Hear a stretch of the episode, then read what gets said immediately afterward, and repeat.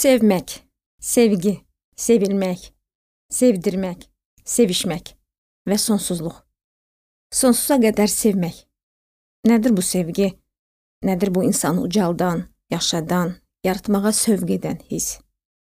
Həyatı sevmək, insanları sevmək, kişi-qadın sevgisi, ananın övlada, övladın anaya sevgisi, vətən sevgisi və bir də bütün sevgilərin içində ən vacib olan bir sevgi vardır.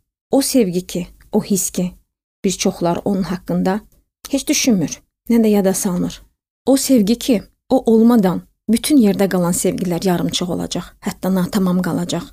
Və sual verəcəksən ki, axı bəs yaxşı, hansı sevgidən danışırsan?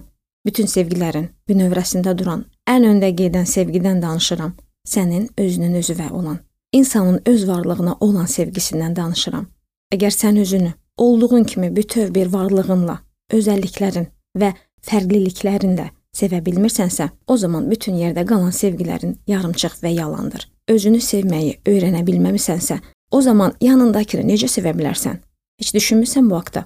Sevdiyini desən belə, hər zaman bir boşluğun, yarımçıqlığın, hətta daima axtarışlarda olduğunu hiss edəcəksən. Nə sevdiyini, nə də sevildiyini hiss edə bilmərsən. İlk öncə özündən başla. Özünü sev. Axı elə sevgi sözünün kökündə də sev sözü belə sənin özünə yönəlib, sənə ünvanlanıb ki, bir çağırış olaraq deyir ki, sev, məs özünü sev. Sevmək lazımdırmı sual verəcəksən? Əlbəttə ki, hə. Bir mənalı olaraq hə və yenə də hə. O zaman yaşamaq, yaşatmaq, yaratmaq, özgün və güc dolu həyat yaşayacaqsan.